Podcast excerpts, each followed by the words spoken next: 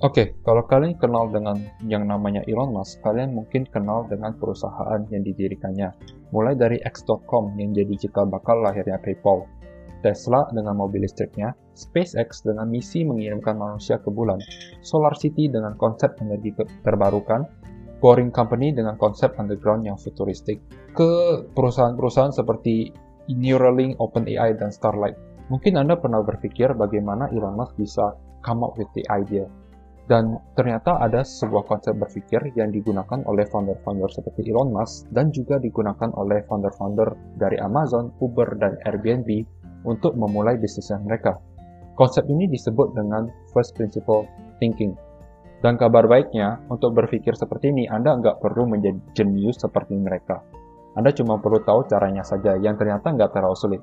Nah, bagi, memang bagaimana sih caranya? Seperti apa contohnya? Dan bagaimana kita bisa menggunakan first principle thinking sebagai fondasi cara berpikir kita. Kita akan mulai dengan memahami dulu apa sih first principle thinking itu, melihat contoh-contohnya, serta menemukan bagaimana Uber, Amazon, dan Tesla mendisrupsi industri dengan menggunakan first principle thinkingnya. Nah, istilah first principle pertama kali dikemukakan oleh filsuf kuno yang bernama Aristoteles. Aristoteles ini mendefinisikan first principle sebagai basis pertama dari suatu hal yang tidak dapat dideduksi lebih jauh. Bayangkan Anda sedang memotong, mengupas bawang bombay lapis demi lapis, sampai Anda mencapai bagian yang paling dalam. Nah, bagian yang paling dalam itulah yang disebut dengan first principle theory, atau sesuatu yang nggak bisa dikupas lagi. Biasanya kita mengetahui suatu hal dari kulit luarnya saja. First principle mengajak kita untuk menggali lebih dalam dan lebih dalam lagi untuk memahami kebenaran yang mendasar dari sebuah hal yang ingin kita pahami. Sebagai contoh, coba saya tanya ke kalian, apa sih bisnis itu? Kapan kalian bisa dibilang menjalankan sebuah bisnis? Dengan cepat mungkin orang akan menjawab, bisnis itu adalah badan usaha yang legal, atau kumpulan karyawan yang bekerja di sebuah kantor. Seorang first principalist akan bertanya, apakah hal tersebut adalah hal yang dasar, apakah masih bisa direduksi lagi? Nah, ternyata kalau kita renungkan lagi, kita juga bisa kok berbisnis tanpa badan usaha yang legal, alamat kantor, ataupun karyawan. Jadi, esensi dari bisnis itu apa? Anda bisa dikatakan berbisnis ketika apa? Ternyata jawabannya adalah ketika Anda berhasil melakukan transaksi dengan orang lain. Selama Anda belum bertransaksi dengan orang lain, Anda belum berbisnis. Kemudian kita kupas lagi lebih dalam. Apa yang dimaksud dengan transaksi? Transaksi adalah pertukaran nilai antara penjual dan pembeli. Ketika pembeli bersedia menukarkan sesuatu yang berharga, misalnya uang, dengan barang atau jasa dari penjual, di mana nilai dari barang atau jasa yang ditukarkan itu sepadan dengan nilai uang yang pembeli korbankan, maka di situlah transaksi terjadi, maka di situlah Anda punya bisnis. Jadi, first principle dari bisnis adalah pertukaran nilai dari penjual dan pembeli. Dengan memahami ini, Anda akan bisa menganalisa lebih lanjut kenapa bisnis Anda belum sukses, dan menyusun strategi untuk meningkatkan kinerjanya.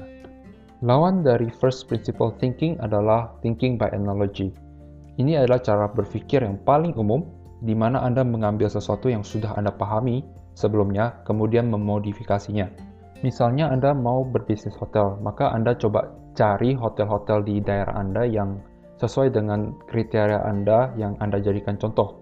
Kemudian Anda akan amati, tiru, dan modifikasi hotel yang Anda jadikan referensi tadi. Untuk lebih jelasnya perbedaan antara first principle thinking dan thinking by analogy, yuk kita pakai analogi antara chef dengan juru masak. Chef adalah orang yang menciptakan resep. Dia tahu bahan mentahnya dan tahu cara menggabungkannya. Sementara si juru masak yang berpikir dengan analogi menggunakan resep.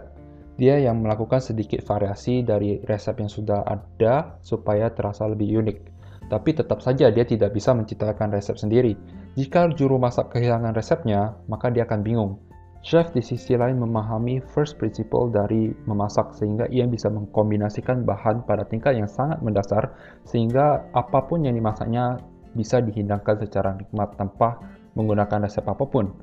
Jika Anda membangun bisnis dengan thinking by analogy, maka Anda akan mencontek apa yang dilakukan pemimpin pasar dan Anda akan melakukan modifikasi untuk menjadikannya lebih baik. Nah, ketika formula sukses yang Anda contek ini nggak berhasil, maka Anda akan menjadi bingung Gak tahu harus berbuat apa, karena Anda tidak memahami first principle yang menjadi dasar atas apa yang membuat bisnis Anda sukses. Dan jika pun formula itu bekerja dengan baik, Anda akan menawarkan hal yang sama dengan pesaing. Anda akan bersaing dalam lautan merah yang berdarah-darah. Elon Musk memberikan contoh bagaimana ia menggunakan first principle thinking untuk membuat baterai yang lebih murah. Asumsi umum yang ada di industri untuk pembuatan baterai, biayanya itu mahal. Biaya bisa mencapai 600 US dollar per kilowatt hour dan akan selalu seperti itu sampai kapan pun. Ketika first principle thinking itu digunakan, Elon bertanya, apa saja sih bahan yang menyusun baterai? Ada kobalt, nikel, aluminium, karbon, dan beberapa polimer untuk pemisahan dan kaleng baja. Kalau kita beli semua bahan baku tersebut di London Metal Exchange, berapa sih harganya? Ternyata harga bahan bakunya itu hanya 80 US dollar per kWh. Nah, sekarang kita hanya perlu memikirkan bagaimana cara untuk membeli barang itu dan menggabungkannya ke dalam sel baterai. Dengan begitu, kita akan membeli baterai dengan harga yang jauh lebih murah. Tentu saja, Elon tidak berhenti sampai di situ. Itu baru awal saja. Elon dan para inovator dalam industri baterai bertanya lebih dalam lagi. Apa sih sebenarnya baterai itu? Baterai itu adalah alat yang bisa menyimpan energi listrik. Bahan-bahan apa saja yang bisa digunakan untuk menyimpan energi listrik? Bagaimana kita menyusunnya secara efisien? Jawaban dari pertanyaan-pertanyaan yang tadi itu menghasilkan teknologi baterai yang semakin hari semakin canggih, efisien, dan murah. Nah, sekarang coba kita aplikasikan first principle thinking ini untuk startup-startup yang berhasil mendisrupsi market mereka. Kita kembali lagi ke bisnis hotel tadi. Seorang first principle akan bertanya apa sih sebenarnya paling mendasar dari industri perhotelan? Apakah bangunannya, apakah fasilitasnya, atau customer service-nya? Ketiganya jelas merupakan bagian yang penting dalam bisnis perhotelan. Tapi jika kita kaji lebih dalam lagi, ternyata first principle dari industri perhotelan adalah tentang bagaimana kita bisa menyediakan akomodasi yang nyaman bagi tamu. Kita tanya lagi, biaya terbesar yang perlu dikeluarkan ketika Anda ingin bangun bisnis hotel. Apakah akomodasi yang nyaman itu berupa bangunan hotel? Bagaimana kita bisa menyediakan akomodasi yang nyaman bagi para tamu tanpa harus memiliki bangunan hotel? Jawabannya adalah Airbnb yang kemudian mendistrupsi pasar perhotelan di dunia. Dalam industri transportasi kota itu juga sama. Armada yang banyak fasilitas perawatan dan supir adalah default industri kalau mau berbisnis di transportasi kota. Maka yang ketiga itu wajib ada dong. Tapi sebenarnya apa sih yang fundamental dari bisnis transportasi? Memindahkan orang dari satu tempat ke tempat yang lain. Nah, bagaimana kita bisa memindahkan orang itu tanpa memiliki armada, fasilitas perawatan, dan supir sendiri? Jawabannya adalah Uber. Mendisrupsi industri transportasi kota di industri perdagangan, apa yang menjadi fundamental? Menjadi penghubung antara supplier dan pembeli. Lalu apa yang membuat harga beli menjadi lebih tinggi sehingga pedagang susah menjualnya? Jawabannya adalah karena banyaknya perantara di antara supplier dan pembeli sehingga biaya distribusi menjadi tinggi. Bagaimana kita bisa mengurangi biaya itu sehingga dapat menjual dengan harga yang lebih murah?